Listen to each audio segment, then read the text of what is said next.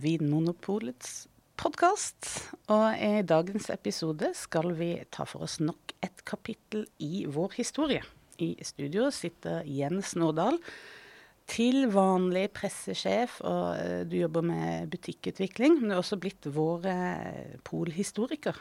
Og eh, Anders Stuland sitter her, og jeg heter Anna Engrav. Vi jobber vanligvis med liksom, varefaglige drikkerelaterte ting, men vi har jo blitt helt hekta på polhistorien vi også. Som sier både noe om eh, drikkevaner og drikkekultur, og ikke minst om samfunnet vårt, hvordan det har utvikla seg. Så jeg er spent. Vi er, vi er kommet fram til 80-tallet nå. Den tiende episoden av det som bare egentlig var tenkt å bli én episode, er vi nå kommet til episode ti. Ja da, vi trenger nok eh, tid til. Altså, så jeg tror vi eh, slutter på kanskje episode 20. Eller kanskje vi egentlig aldri blir ferdig. Jeg håper vi aldri blir ferdig. Nei, Det er en fin liten oppsummering du gir der, Anne. Og jeg må jo si det at jeg stusser jo også over hvor mye kuler og krutt det har vært opp igjennom. Altså. Eh, det har virkelig vært mye altså det har vært mye nødvendig endring, men jammen har det vært mye konflikt også.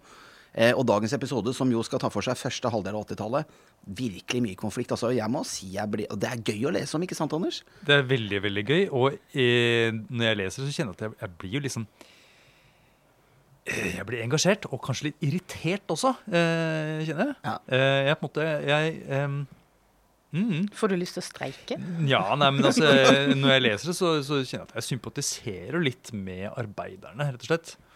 Og mye av det vi skal snakke om i dag, skjer jo på 80-tallet, men opptakten Ja.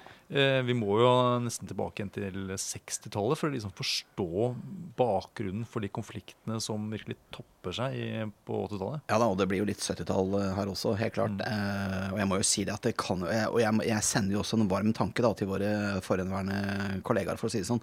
For det kan jo jammen ikke ha vært noe gøy å jobbe i en bedrift hvor eh, avstanden mellom ledelse og, og ansatt har vært så stor, altså. Eh, så jeg har lært mye i, i forberedelsene til denne episoden, men vi må egentlig bare kjøre i gang. Og vi, er, Ja. vi, vi går jo nå egentlig litt inn i 80-tallet. Det er jo da dette begynner å skje, ikke sant. Skal vi tegne et lite Ja. tidsbilde? Eh, av 80-tallet. 80-tallet? Ja. Bare, bare, bare, vi må bare sette det bitte lite grann. ja. Ja, ja. Jeg greier ikke å la være. Nei, gjør det. Dette, dette tiåret husker jeg, så nå kan jeg nikke sånn gjenkjenne. Ja, det, det sies jo det at det er den store trusselen som verden lever med da, det er jo atombomber ikke sant? Og, og kald krig. Eh, og det husker vi godt. Og jeg husker jo godt også dette med da hiv altså, og aids-epidemien kom. ikke sant? Det var ordentlig guffent.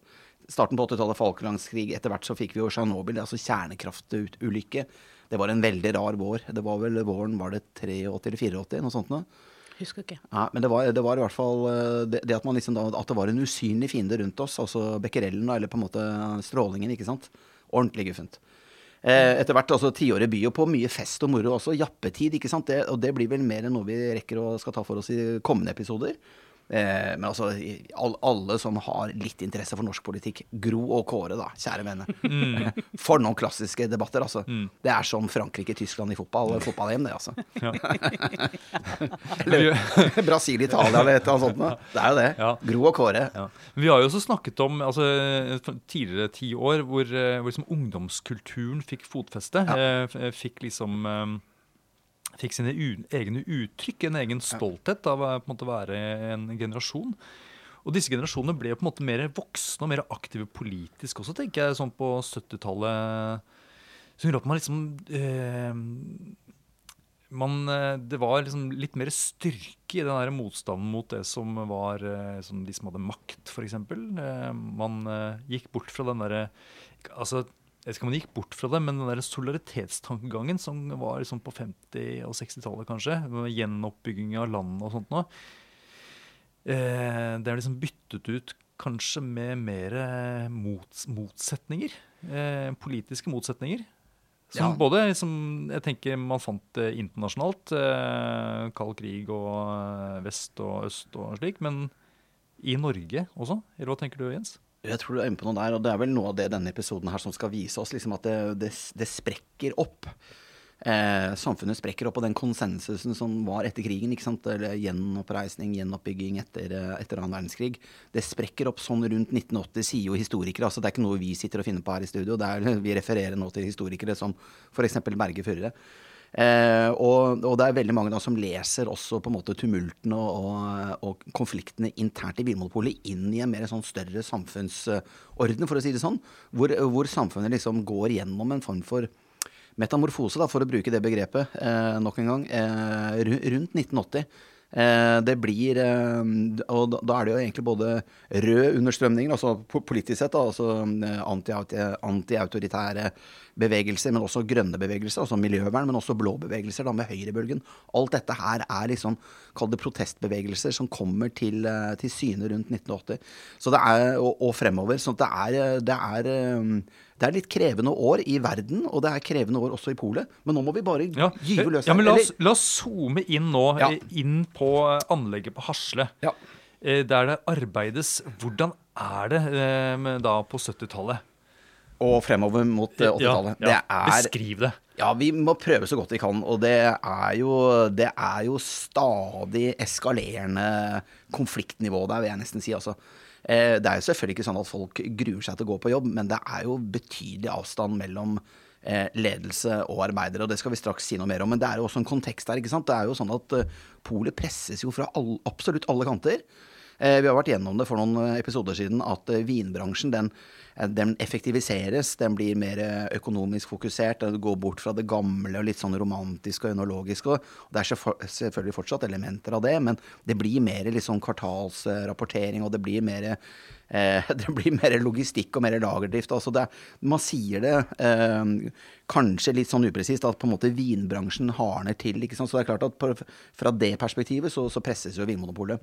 Eh, men eh, det er jo også et betydelig internt press i, i Norge fra skjenkenæringen. Det var jo forrige episode, Anders, mm. hvor vi snakket om altså mye av dette latterlige det, det, ble jo kalt både Molbo-politikk og Tante Sofie-mentalitet. ikke sant? Det at Vinmonopolet måtte ut og, eh, og kontrollere skjenkingen. For det var, var Vinmonopolet som hadde eh, ansvaret for å eie det kalde brennevinet helt til det ble skjenket i, i, i glasset eh, på restauranten og barene. ikke sant?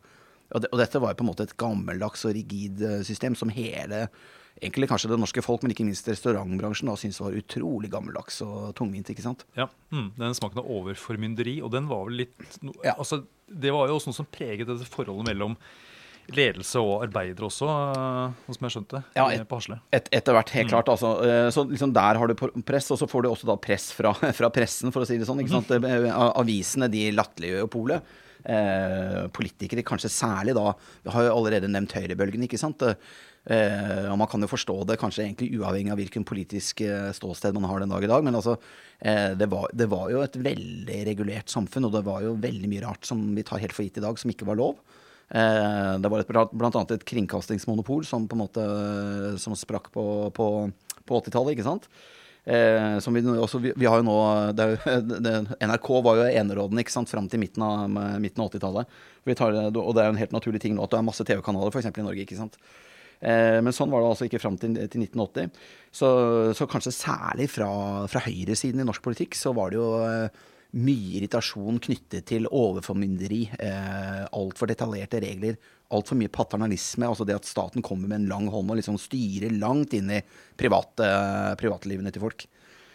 Um, så, så, det også la jo et visst press på, på, på Vinmonopolet. Eh, man mistet jo også markedsandeler eh, til andre aktører, til andre kanaler.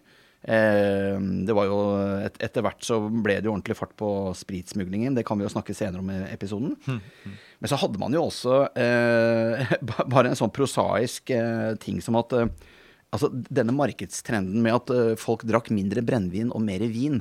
Uh, hvis man da skal selge den samme alkoholmengden til folk, så krever man jo Det kreves jo rett og slett mer plass, ikke sant?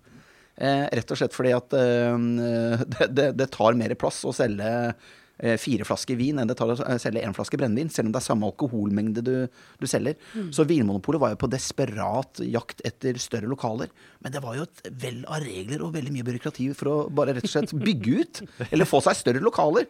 Og vi må bare dvele litt med det, bare for å liksom ja, vi, vi, må jo le litt av dette, Anne, for det er, jo, det er jo rart å lese om. Ja, hvorfor kunne de ikke bare eh, bygge ut? Det skjønner ikke jeg. Eller bygge, altså, det, det er for meg liksom en helt umulig problemstilling å forstå.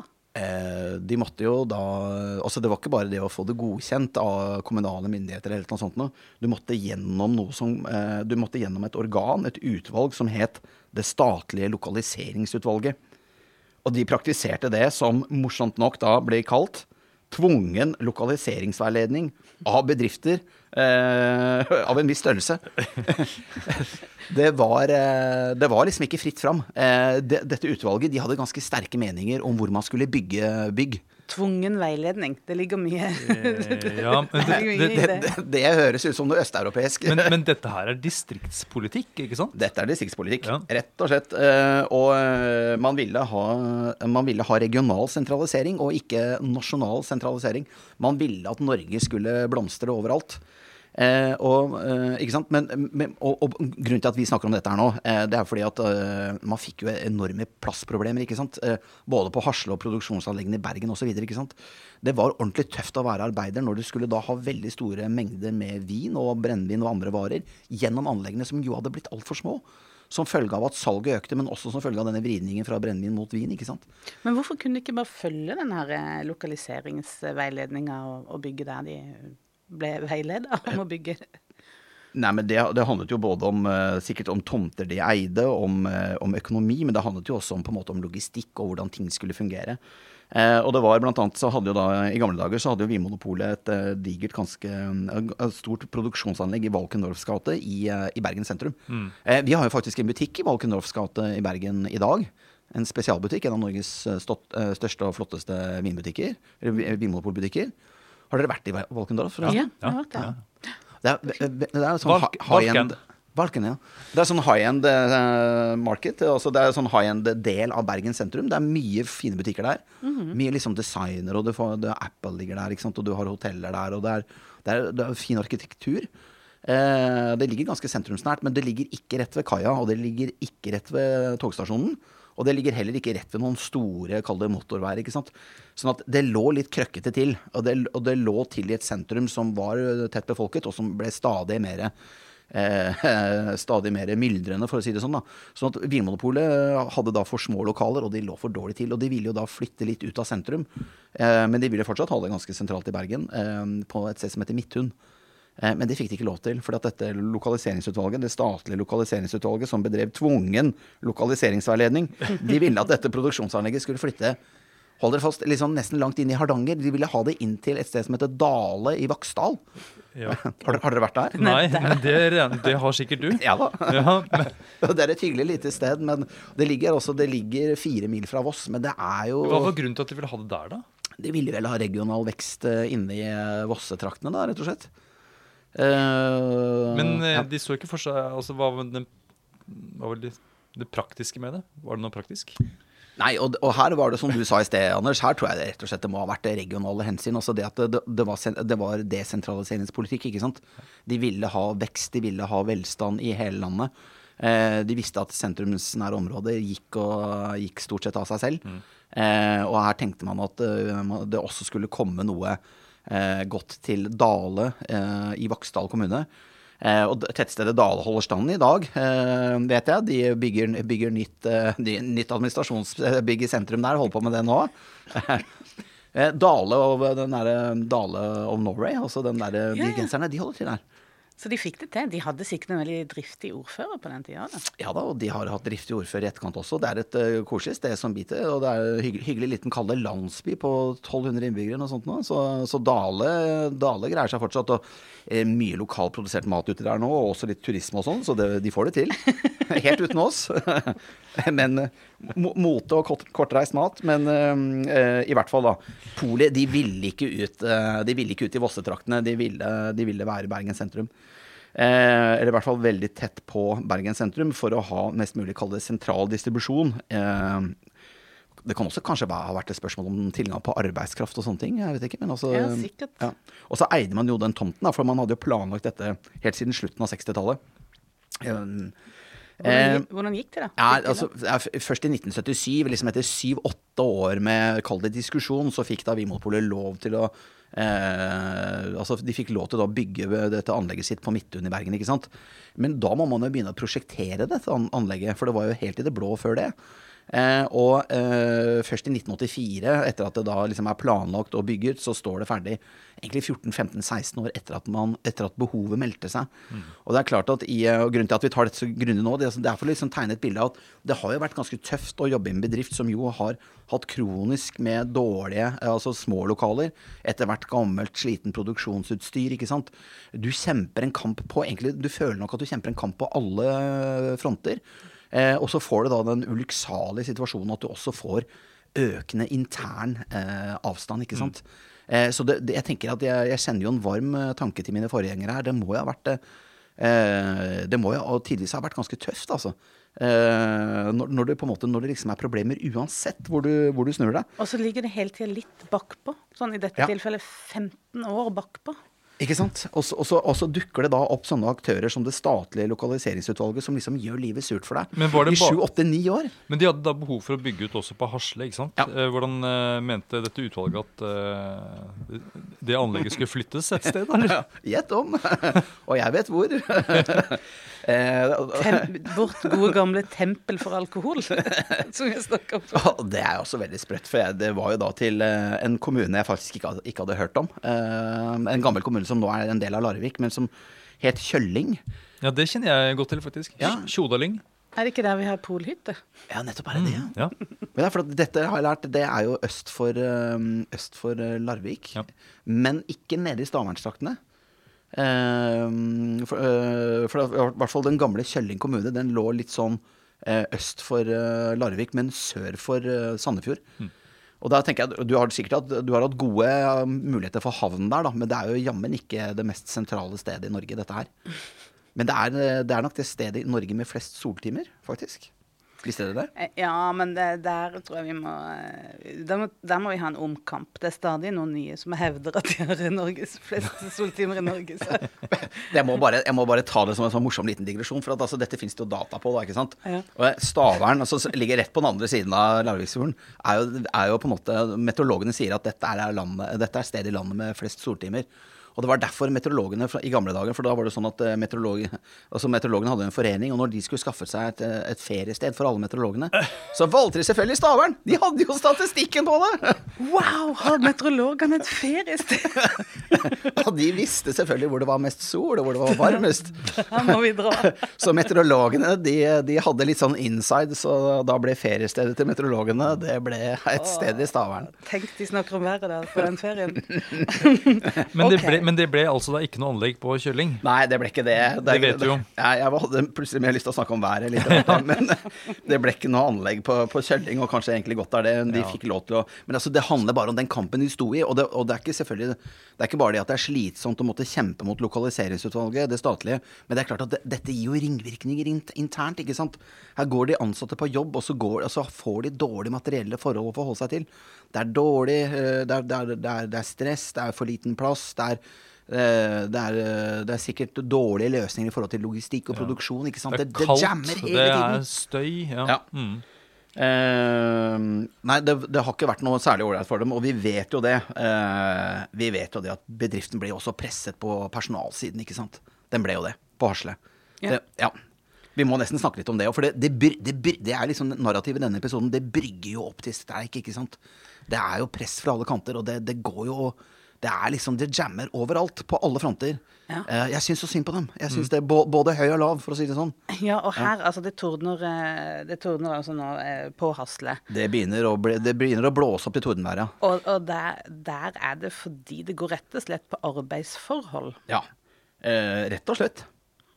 Ja. Fordi, eh, fordi der har det da Det er en sånn gjeng med gamlekarer, folk som har eh, jobbet der en god stund, men Ja. så opplever de at eh, det som man da kaller for turnover, er, blir altså veldig høy. Ja. Det kommer stadig vekk nye folk til, og de, og de trives ikke pga. forholdene, mange av dem. Så de, de, de forsvinner ut igjen. Man må stadig vekk lære opp nye. Man får et dårligere samhold sikkert også, når man ikke kjenner folk og sånt nå. Og eh, ledelsen, de var vel de omtalte, en del av de eh, nyansatte, de hadde tvilsom kvalitet. ja. Litt sånn lurvete folk. Ja, De og, det, var og det også viser jo noe sånn, en sånn, uflidde og lurvete. ja, men det er ledelsen men det at å? Ja, når du beskriver da de nyansatte på den måten, tenker jeg at da har du også en, en ulmende konflikt, eller på en måte en, et, altså et dårlig forhold til dine ansatte, hvis du liksom snakker om dem på den måten. Det kan du si. Og, men vi leser, og dette er jo ting vi har lest oss opp på nå, men jeg må si at jeg stusser over også hvordan arbeidsmarkedet øh, var da på 70-tallet og 80-tallet. For det er ikke så lenge siden. Vi er jo, vi er gamle nok til å huske disse, disse den, denne tidsepoken selv, ikke sant. Og eh, eh, det står jo da eh, at eh, det, er, det er mye løsarbeidere, altså folk som bare er innom og liksom jobber en dag eller to eller tre, og så bare forsvinner de. Så det er en voldsom gjennomtrekk, akkurat sånn som du sier, Anders. Men jeg stusser jo over at det er så, at det er så løse forhold i, i bransjen. Jeg kjenner liksom ikke Det er ikke det arbeidslivet jeg kjenner til. At, det bare, at du bare stikker innom en dag eller to eller tre, og så, og så gidder du ikke mer, og så bare drar du din vei. Eh, veldig rare forhold. Mulig det er jeg som er naiv, eller på en måte sitter på den grønne gren, men det er Eh, det er, eh, det er åpenbart også et strukturelt sett et annet arbeidsliv. eh, I hvert fall eh, på Hasle, som jo er en produksjonsbedrift. Og så er det jo helt åpenbart ikke noe som tiltrekker arbeidstakere til eh, denne bedriften, da, som at du kan få folk til å bli en stund. Nei, det Ja, for det, det Hasle fikk da, var, eh, var, var det de kalte sjuskete arbeidere med dårlig disiplin. Ja. Og da, hva ville ledelsen gjøre da for å få det stramme dem litt opp? Jo, de ville ta på dem uniform! så de så litt bedre ut. Ja, da så de litt bedre ut. Jeg syns det er litt søtt. Men de Ja, men Ble det noe av? At de fikk eh, altså, Jeg uniform? På. Jeg er usikker på det. Men uh, de, de, mente, de diskuterte det helt seriøst, for de, de syntes det så, så, de syns det så for ille ut når eh, folk kom langhåra og langskjeggede. Og Ja, det er nettopp det er litt det også. Det er en, en ny generasjon med arbeidere som ikke har den samme respekten for autoriteter. De har langt hår, ja, nettopp. det er litt sånn. Også, men så er det jo noe morsomt her, og vi har jo snakket i forrige episode, eller for et par episoder siden Anne, om dette med, med, kvinne, med kvinnekamp, ikke sant, og hvordan kvinnene da ikke var en del av dette sånn. Men man advarer jo da eh, fra et utvalg da, som gjorde en vurdering av hva man da kalte mannskapssituasjonen, altså på, da, på Hasle, altså produksjonsanlegget til Vinmonopolet. Og da, da sier man det som en advarsel, som en, liksom en trussel om hvor, virkelig, hvor ille det kan bli. Så sier da dette utvalget at forholdene er så prekære at ansettelse av kvinnelige lagerarbeidere vil tvinge seg fram helt av seg selv. Dette det er jo en enorm trussel. Og det sier jo litt om, det sier jo litt om altså, datidens eh, syn også da på, på kvinner, men man, man, man, så, man så jo på det som noe, no, no, noe skrekkaktig som man overhodet ikke ville ha. Da. Ser, ser det ut som. Det er jo helt vilt. men før, før de kom så langt at de måtte bruke kvinner, så, så måtte du ta til takke da med Sjuskete. langhårede, sjuskete menn av tvilsom kvalitet. Med dårlig disiplin. Som de da ville gi en uniform og Og og for å stramme dem litt opp, ja. Eh, og men så, må, så må, må det jo også sies her at det, det var jo dårlige arbeidsforhold på Hasle. ikke sant? Vi må jo, Du nevnte vel litt om det i sted, Anders, men det var, det, det, det var jo trekk. ikke sant? Det var kalde lokaler. Eh, kulde. Mm. Støy. Tungt arbeid. Ja, Ja. rett og slett. Og ikke noe særlig noen rullering. Du, på en måte, du sto hadde din faste oppgave, som Ja. var et, et, et samlebånd. Eh, Ja. Enten du holdt på med flasker eller sortering eller eh, stabling eller sånne Ja. Monotone, krevende, altså arbeidskrevende oppgaver. Ja. Ja da, det er Modern Times av Chaplin nok en gang, altså. Vi har jo så vidt nevnt den filmen før her for noen episoder siden, og det, det, er, jo, det er jo det det handler om. Eh, monotont, kjedelig, til dels kanskje litt sånn helseskadelig Ja. fabrikkarbeid. Og så hadde man da liksom eh, da noen som hadde hva skal jeg si, et sånt opp, oppsyn uh, i produksjonen. ikke sant? Folk som hang litt over skulderen din, Ja. uh, passet på deg. Ja. Åh, det kan nesten ikke bli verre. Kjedelig jobb, og så en som står og ser på at du skal gjøre det riktig. Ja. Formen. Du hadde en formann som uh, skulle kuske deg fram til, til endt prestasjon den dagen. Og som i tillegg hadde egne spiserom, de som var liksom denne De som ikke var Det var liksom annenrangs og førsterangs arbeidere, da. Ja da, og det var mange av de som jobbet Altså kontor, kontoristene, administrasjonen og, og formennene, de så jo ikke så mye til arbeiderne. Altså, eller administrasjonen så ikke noe til arbeiderne i det hele tatt. Eh, og det er som du sier, Anne, det var jo det var nesten litt sånn apartheid, ikke sant. Altså, det var jo, de, de hadde jo forskjellige garderober, forskjellige spiserom og forskjellige doer. Altså, det, det var jo ett sett for eh, arbeiderne og, og ett sett for de andre. Så det var- høres helt rart ut. Dette vi er jo øh, ja. Ja, det høres veldig rart ut. Og man snakket lite sammen. Altså det, det vi leser, leser, oss til, er at folk i bedriften snakket lite sammen. Det var lite dialog. Det var litt sånn vanntette skott. Og no, noen steder liksom eh, eh, med, med fysiske vegger, rett og slett. ikke sant? Det var eh, eh, I produksjonslokalet så var det da, så forsvant da kassene gjennom et lite hull i veggen. ikke sant? Og så gikk det da inn på lageret, og hva som foregikk på lageret, det ante man jo ikke. Rett og slett fordi det var på den andre siden av en diger murvegg. ikke sant? Så det var, det var, jo, det var jo siloer sånn bokstavelig talt. da, ikke sant? Eh, og når du da har egen do, egen garderobe, eget spiserom du, du, du har jo den infrastrukturen du trenger, da. ikke sant? Og du driver ikke da og går i, eh, i nabobygget. Eh, så det, er, det, det, er, det var egentlig mange, mange bedrifter i én bedrift. Mm. må sikkert ha vært veldig, veldig krevende å jobbe i en sånn bedrift. Og i hvert fall ikke vært noe fellesskapsfølelse. Nei. Mm, Nei, i hvert fall ikke. Men- dette er 70-tallet, altså Ja. 80-tallet. Altså, så Men ja, det er ikke hva, så lenge siden. og hva gjorde Vinmonopolet da sentralt for å liksom bedre, bedre på disse tingene? Jeg, bare, jeg, jeg har sett at det var spørsmål om Vinmonopolet hadde en, en skriftlig personalpolitikk, f.eks. Eh, og da var lederen for, eh, for personalavdelingen stilte seg undrende til hva, hva skulle man med en skriftlig personalpolitikk. han, så ikke, han, han så ikke hele poenget. Slitsomt opplegg. Og det var i 1977. Eh, og det er jo de, de, de virker jo bakpå, rett og slett. Igjen, da. Lite villig til også å se at verden går videre, rett og slett. eh, Ja, det, og det er, og åpnes opp. Ja, jeg er overrasket Jeg må si jeg er overrasket når jeg leser meg på dette. her Jeg er overrasket over at det er så mye konflikter, og at det er så mye sånn Og det er blanding av stort og, og smått. Eh, også det at en sånn liten filleting som at arbeiderne ikke skjønte hvordan ferielønna ble regnet ut. Det var veldig lang kø foran stemplingsuret. ikke sant? Det, det irriterte dem. Så det var liksom en blanding av, eh, av, eh, av større ting. Som at de hadde dårlig lønn, som vi kan snakke mer om etterpå. Men også da liksom mer sånn filleting, praktiske ting i hverdagen.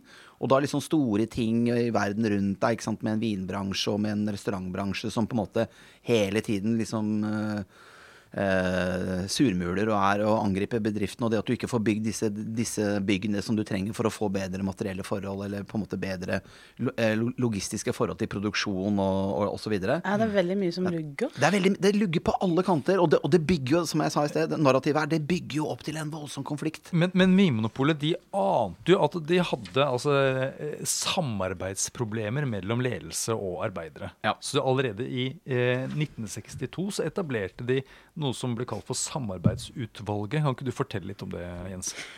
Dette tror jeg nesten du vet mer om enn meg. Nei, jeg, jeg gjør jo ikke det. Nei, men jeg, jeg kan, det lille jeg vet, skal jeg si. at det, altså, man etablerte jo det da tilbake i 1962, og eh, hele hensikten var jo da at man skulle skape mer trivsel, glede, samhørighet, samarbeid. ikke sant? Det det skulle bedre de psykososiale forholdene på, på jobben.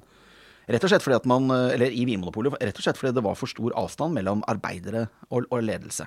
Det var et kjempeproblem man hadde i bedriften, i Vinmonopolet. Og etter fem år, da, altså i 1967, så sa jo da Arbeiderforeningens formann Øyvind Ask eh, Så sa jo han det etter fem år, at et, etter, etter at de hadde prøvd å samarbeide i fem år, så sa jo han det at arbeiderne har null tillit til ledelsen. De hadde ingen tillit til ledelsen. Var jo det formannen til arbeiderne sa, ikke sant. Så det sier jo litt om et klima her, altså. Ja, Det gjør jo det. Det, det forstår jeg veldig godt. Det er jo ikke gjort noe forsøk på å skape et vi. Det er jo et oss og de Altså, som for, er fors- poenget. forsøket er da dette samarbeidsutvalget, men de har da tydeligvis ikke noe Jeg vet ikke om de har hatt noe mandat til å gjøre noen endringer eller noe sånt. Noe.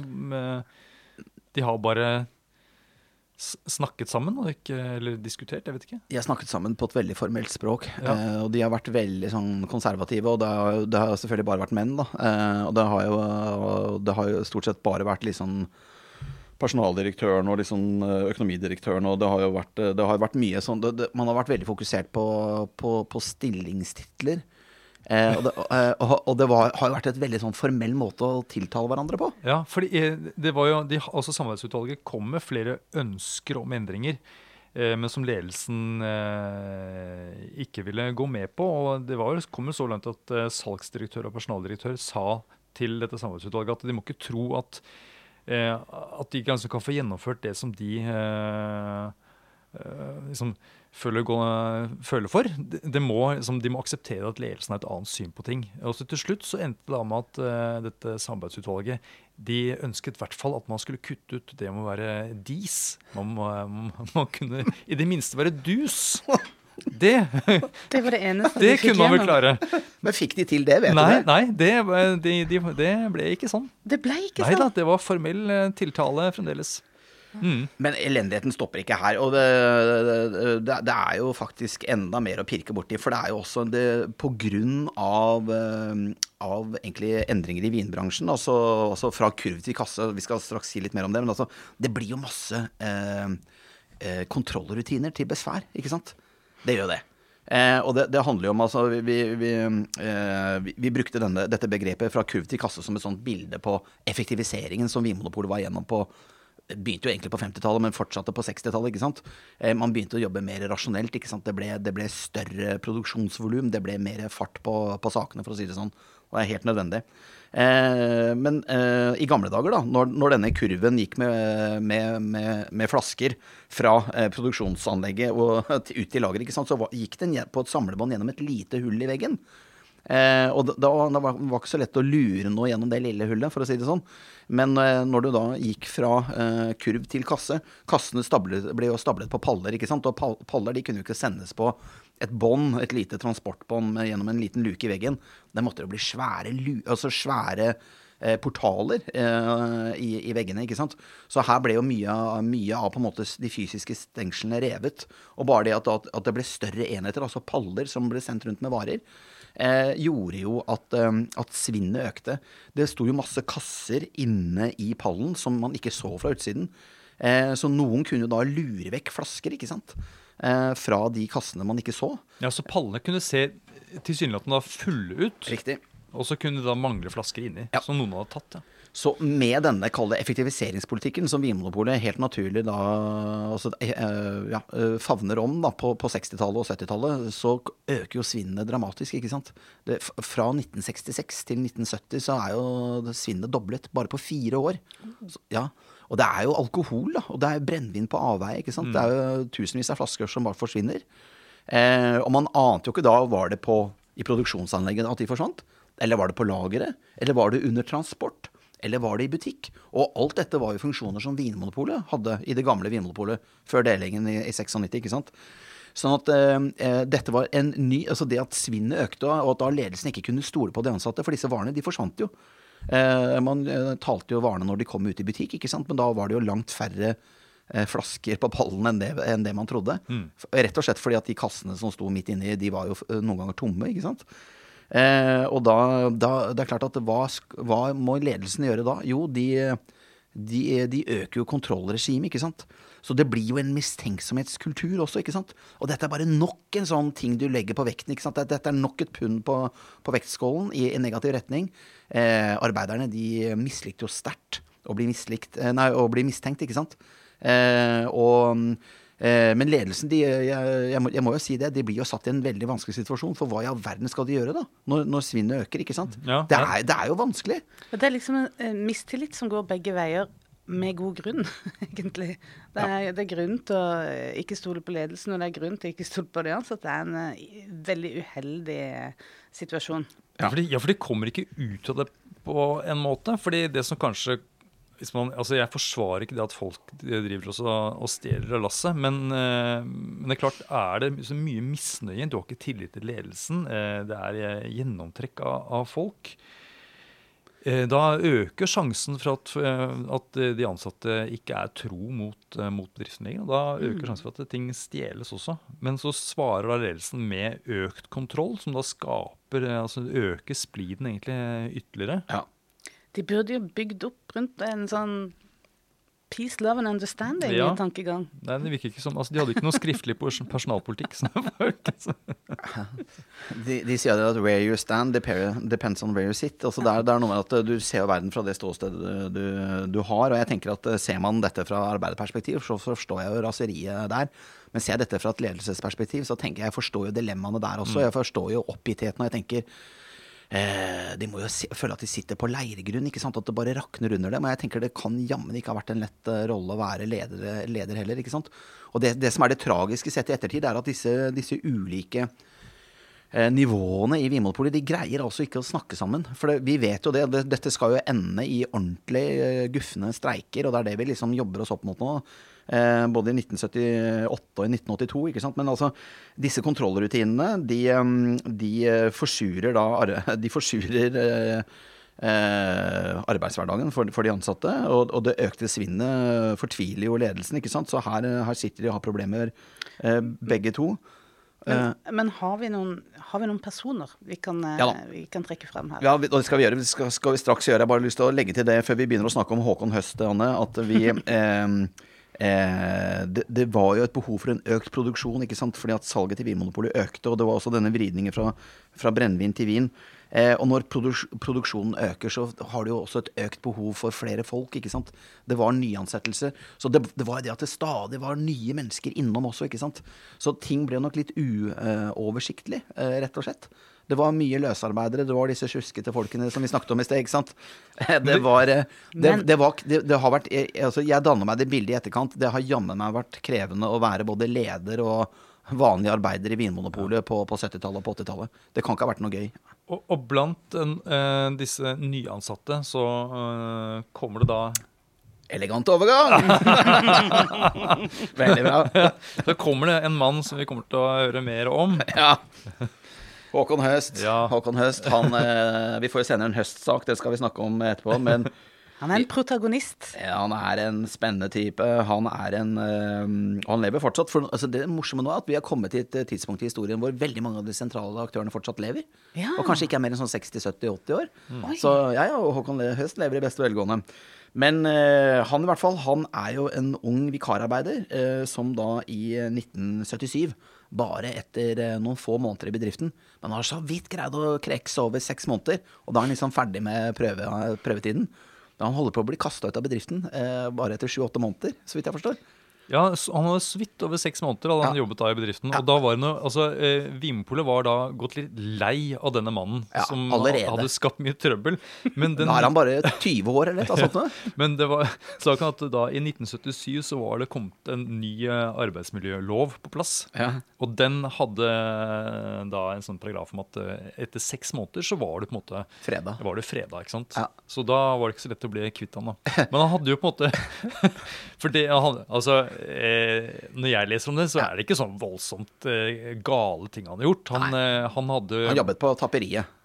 Ja, og der han, eh, hadde han nektet å utføre arbeidsoppgaven med mindre det kom en mann til. Han mente at de var for dårlig bemanna på en maskin. Ja, og, ja. og, det kan jo godt være at han hadde rett i altså, av sikkerhetsgrunner eller et eller annet som gjorde at Han var litt oppstandasig. Han snakket denne formannen eh, midt imot. Da, for det, det, dette, dette, denne tappekolonnen, som det ble kalt, hadde jo da på en måte en formann som var ansvarlig for at produksjonen skulle gå greit på dette på denne kolonnen, eller liksom denne maskinen som tapper produkter. ikke sant? Mm. En så, modig maur, altså. Han snakka høyt. Ja da, Og så var det en annen morsom ting også, det må vi nesten bare omtale. For at uh, han, hadde jo, han hadde jo begynt å kaste appelsiner rundt omkring. Ja, ja, men jeg tror kanskje vi må fortelle litt om hvorfor det var appelsiner ja. ja da, vi kommer dit. på Hasle. Ja. ja. Vær så god, kjør på. Jo, nei, fordi... Um, Eh, for dette var en tid da Vinmonopolet produserte mye likør for eksempel, selv. Ja, sitruslikør. Og sitruslikør var noe som var populært, og da trengte man da eh, eh appelsinskall ja. som man da liksom skulle masserere nedi brennevinet. Ja.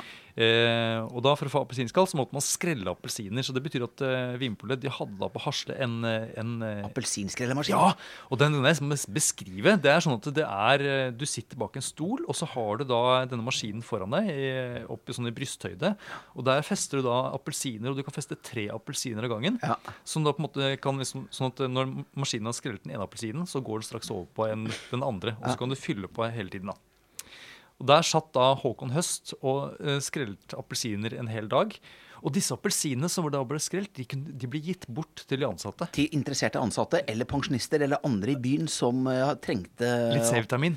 Rett og slett. Ja. Så det var jo ressurser som ikke ble ja. til, til spille. Ja, de ble ikke kastet, disse. Nei. Eh, så, eh, men eh, da falt da Håkon Høst eh, for fristelsen å starte en appelsinkrig.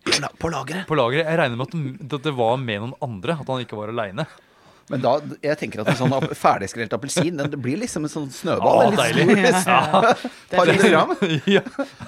Kile den i bakhodet Ja. på formannen. Så eh, nei, jeg ser for meg at Håkon Høst eh, litt, litt lei av å sitte bak denne maskinen og skrelle og skrelle og skrelle, og så kommer det da kanskje en annen ung arbeider inn der, eh, og de liksom tuller litt sånn, og så går den første appelsinen eh, fra den ene til den andre, og så har man det gående, og så kommer formannen inn i sin grå frakk og si hva er, hva er dette for noe tull? Og da får jo Håkon Høst Han får jo en sånn disiplinærsak, eh, og de ville jo bli kvitt han allerede da. Og da, er det jo, da skriver denne formannen i en rapport. Han sier det. eh, Vi må, vi må kvitte oss med Håkon Høst rett og slett for at han vil i framtiden bli litt av et uromoment på arbeidsplassen. Ja, Og det skal jo vise seg å gå troll i jord! Det skal gå troll i jord! Ja, ja, ja. Men vi må vente litt med høstsaken, for den, den er stor. Og han, altså, han blir jo en kjendis. Altså, han, han er jo lørdags Altså, han er jo gjest på Lørdagsrevyen. og Han er jo liksom Han har jo big, big shot, ikke sant? Eller hotshot på senere. Men i hvert fall, vi har nå introdusert Håkon Høst. Og det, be, det begynner med rampestreker og appelsinkasting, men det skal ende med, med streik og, og omskrivning av polhistorien, for å si det sånn. Ja, men han har i hvert fall en kime av opposisjon i seg. Det høres det kan vi vel si. Det høres eh, sånn ut. Eh, han var nok en håndfull, for å si det sånn. Eh, men altså, vi er ikke helt kommet fram til streikene enda For det brygger jo det brygger som sagt opp til streik og konflikt her, ikke sant. Eh, det er jo det eh, perioden fra altså siste halvdel av 70-tallet og begynnelsen av 80-tallet, egentlig fram til 1986, handler om. Altså, det, er jo, det er jo en form for Det er, det er, for drøyt å kalle det borgerkrig, men det er jo, det er jo konflikt. Eh, det er jo konflikt internt i Vinmonopolet i eh, 10-15 år. Og det, det må som sagt ha vært Det kan, kan, ikke ha vært noe gøy for noen involverte å ha det sånn på jobb. Eh, uansett, eh, vi er også over et punkt her som kalles altså, det, det er jo mye lønnskamp, ikke sant. Rett og slett fordi at eh, gjennom hele 70-tallet så blir jo pol, eh, altså lønnen for de polansatte på, på Hasle, eh, altså produksjonsarbeiderne og også lagerarbeiderne, det blir stadig dårligere. Man taper eh, sakte terreng, sakker eh, akterut i forhold til andre og sammenlignbare bransjer. Bryggeriene etter hvert liksom rykker fra, andre produksjonsbedrifter rykker fra. Eh, Vinmonopolet hadde ligget med litt bedre lønn eh, tror jeg, enn en vanlig industriarbeider eh, på tampen av 60-tallet. På, på slutten av 70-tallet, ti år senere, så ligger man eh, målbart dårligere. ikke sant? Så man taper jo da eh, reallønn. Eh, og det er klart at det gnager jo også noe voldsomt. da. Eh, kampviljen øker jo når lønna, når lønna på en måte minker. altså. Det, det gjør den jo. Eh, og i 1978, Anders I 1978 Ja. så, så brygger det jo opp til, til storstreik, faktisk. Ja, Skal vi si noe om det? ja, det må vi gjøre. Ja. Eh, arbeiderne de krevde lønnet spisepause. Altså arbeiderne på Vinmonopolet krevde lønnet spisepause. Ja. Eh, og for det hadde man jo fått til eh, blant eh, Altså ikke NSB, men noe som heter da Jernbanens verkstedsarbeidere. De hadde fått det til i når lønnsoppgjør, men også i Forsvaret hadde de fått det til. Eh, så det var noe som begynte å bli litt vanlig på tampen av 70-tallet, at man skulle få lønnet eh, spisepause. Og da hadde vel funksjonærene de hadde vel allerede betalt spisepause, tror jeg. Ja, nettopp. Ok. Så det var allerede på en måte, ja, Noen i bedriften hadde det. Hva sier du det? Ja. Ja, ikke sant? Og det øker jo Desto større grunn til Ja, ja, ja, ja. Så ser man da at andre arbeidere altså i andre bedrifter får det. det begynner å, begynner å bli en del av pakka, av velferdspakka, Ja. for å si det sånn. Og Norge har jo funnet olje på slutten av, av 60-tallet, ikke sant? så vi er jo i ferd med liksom å få mye penger, eh, sakte, men sikkert, da, i landet, ikke sant?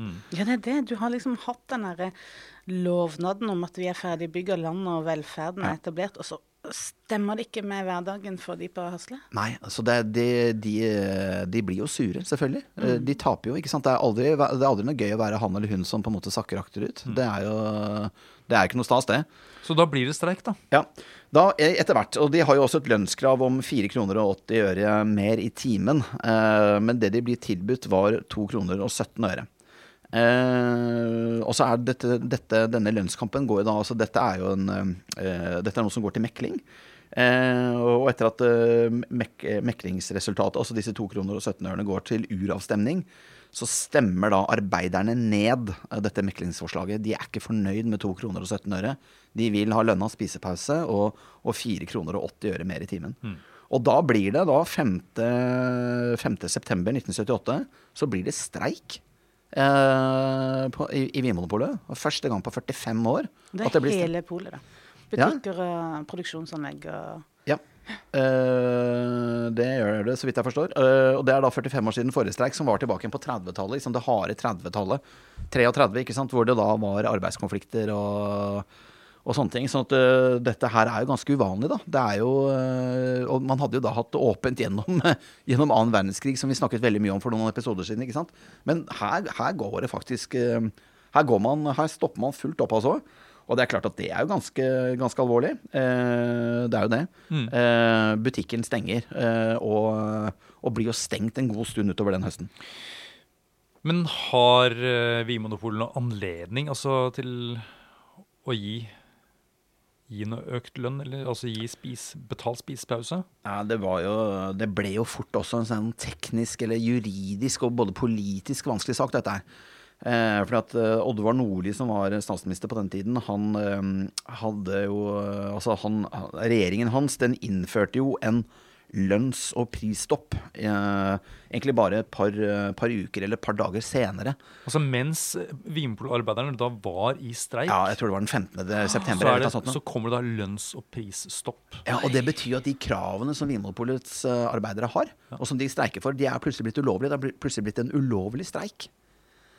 Eh, og hva skjer da? Eh, jo, altså eh, en, eh, Og det var jo på denne tiden så var det jo også et sånn herlig altså Vinmonopoltoppene, eh, enten det da var snakk om direktører eller styreformenn eller nestleder i styret osv., det var jo eh, veldig ofte Arbeiderpartitopper. Det var jo Arbeiderpartiet som styrte Norge på den tiden eh, i veldig stor grad. Eh, og eh, mange av de som da var polledere, eh, de og jobbet i Vimopols styre, de De hadde jo vært tidligere ministre, f.eks., i Arbeiderpartiregjeringer. Eh, eller de jobbet på statsministerens kontor, SMK, ikke sant. Så eh, eh, styreformann på den tiden, eh, Kjell Christensen, eh, han var jo også statssekretær eh, ved statsministerens kontor. Eh, og han greide da på For han, han satt jo da på en måte på begge sider av konflikten. Eller altså, han, han kjente jo Man antok at han visste hva Nordli eller hva regjeringen hadde, hadde planer om, ikke sant. Eh, og, og han greide på finurlig vis egentlig å omgå loven. Eh, eh, fordi de ga de ga de ansatte lønnet spisepause. Eh, og så ga De kunne ikke gi arbeiderne økt lønn. De kunne ikke øke timelønnen, det kunne de ikke. Men de ga dem en halv times eh, betalt overtid hver dag uten at arbeiderne trengte å gå på jobb. Og det ble da tolket å være en omgåelse av regelverket. Da, og det var da en måte å løse dette på som ikke var ulovlig. Samme timelønn, bare at de jobbet litt mer. De jobbet litt mer. En, Ja, en, Uten at de egentlig gjorde det. en fiktiv halvtime. Ja, Men det som var morsomt, var jo at denne Kjell Christensen altså ja, Dere ler nå, ganske, ganske smart. ganske smart, men han er jo enda smartere enn det. For han lurer jo arbeiderne tilbake inn på jobb. For det som skjer, er jo at eh, man begynte å nærme seg julesalget. ikke sant? Og denne streiken den, eh, den begynte jo i september. ikke sant? Eh, og arbeiderne er jo da tilbake igjen eh, eh, på jobb eh, sånn i god tid før, før julesalget. Og de, de arbeiderne tolker jo dette som en full seier, ikke sant. Og de raljerer jo nærmest i, i pressen ikke sant? Og sier sånne ting som at vi har fått en lønnsøkning på 23,5 eh, Vi lot oss ikke rokke fordi vi visste at kravene våre var rettferdige, og vi nektet å bøye oss for press og tvang. Sånne ting sa jo da arbeiderne og arbeidernes eh, lederfigurer eh, i pressen, i Klassekampen og Dagsavis, eller Arbeiderbladet osv. Ja, så De var egentlig veldig fornøyd med denne løsningen. De var egentlig veldig fornøyd, men de ble, jo, de ble jo lurt. De ble jo lurt trill rundt av denne Kjell Christensen, som altså satt på SMK, statsministerens kontor, og var på begge sider av saken. For det som skjedde, var jo at eh, straks eh, julerushet var avviklet, altså straks man kom inn på nyåret da, i 1979, så mistet jo arbeiderne denne ekstra halvtimen. De, Ja, men- ja, den, den, den ble tatt Ja, vekk. men var det ikke det på en måte en, Sto ikke det i avtale Altså Var det ikke en avtale om at dette var en ny ordning som skulle på en måte vare altså, Eller var det bare sånn at de kunne fjerne det? De fjernet det i hvert fall, og, og da eh, Jeg har ikke alle detaljer rundt det, men eh, i hvert fall så har de da kunnet fjerne det, og da ble selvfølgelig arbeiderne i Vimopolet kjempesure. eh, vinteren eh, 1979. Og da eh, tror jeg de på en måte prøvde å mobilisere til en ny streik, men den ble av grunner jeg ikke kan, den ble veldig raskt avblåst. Så de har antagelig sittet med dårlig kort eh, på hånden. Og de har antagelig blitt lurt av noen uh, Det durkdrevne det virker jo sånn. Ja, pokerspillere her, altså. Eh, Rett og slett. Og Ja. dette var planen hele tiden. Men jeg tenker Greit nok, du får butikken i drift igjen før jul, men hva men du vet da allerede at det er mye splid, vanskelig å samarbeide mellom liksom, ledelse og eh, arbeidere. Og så gjør du denne manøveren her. Jeg tenker at, Hvordan er stemningen etterpå? Det er en giftpille. Ja, Ja, frontene hardner, ikke sant. Ja. Det er en giftpille, som du sier, Anne. Det er jo det. Frontene hardner. Og det, det, det man sier, ser, både eh, ser og sier i etterkant, er jo at det var jo veldig hard ordbruk fra begge sider, ikke sant. Så eh, både, både ledelse og arbeidere har jo vært eh, ordentlig sint på hverandre, ikke sant. Ja. Eh, og jeg tenker at eh, jeg, jeg, forstår, jeg forstår raseri og frustrasjonen. eh, enten jeg ser det fra, fra, fra, fra oversiden eller fra nedsiden. Det kan jo Det har jo ikke vært lett, altså. Det må jo ha vært grisevanskelig å være ansatt i Vinmonopolet. Ja, men det er mye dumme avgjørelser her, da. Ja, det det, det, er ikke, det er ikke noe form for løsning. Dette er jo bare bygge opp til mer uro. Ja da, de bygger, de, bygger, de bygger opp til uro. Eh, helt klart. Og det har vært mye frustrasjon. Og ledelsen har nok vært harde i klypa, men de har jo ikke mm, eh, De har jo ikke Uh, altså de, Enkelte ting har de jo vært tvunget til å gjøre òg. Altså, hva, hva altså, de, eh, altså, Økonomien må de ha på plass. Hva i verden skal de gjøre når, når svinene øker og sånn? ikke sant? Så det, det har, det, Samarbeidsklimaet har jo ikke vært godt, og heller ikke de har blitt spilt gode. Så, så jeg tenker at det er, eh, det er, det De har vært i en kattepine, og jeg må, jeg må jo si jeg syns jo synd på, synd på dem alle sammen. Altså. Men Hva blir konsekvensene, da? konsekvensene er eh, rundt 1980 så radi radikaliseres for, Det er kanskje et litt feil ord å bruke her, men altså i hvert fall fagforeningene de blir eh, rasende, de blir forbanna. De blir jo også mer kampvillige, og de blir jo også mer profesjonaliserte, for å si det sånn. Og denne Håkon Høst, som vi allerede har snakket om, han blir jo valgt da, til ny leder for eh, Arbeiderforeningen, eller fagforeningen, i 1980. Han er sikkert lynforbanna nå.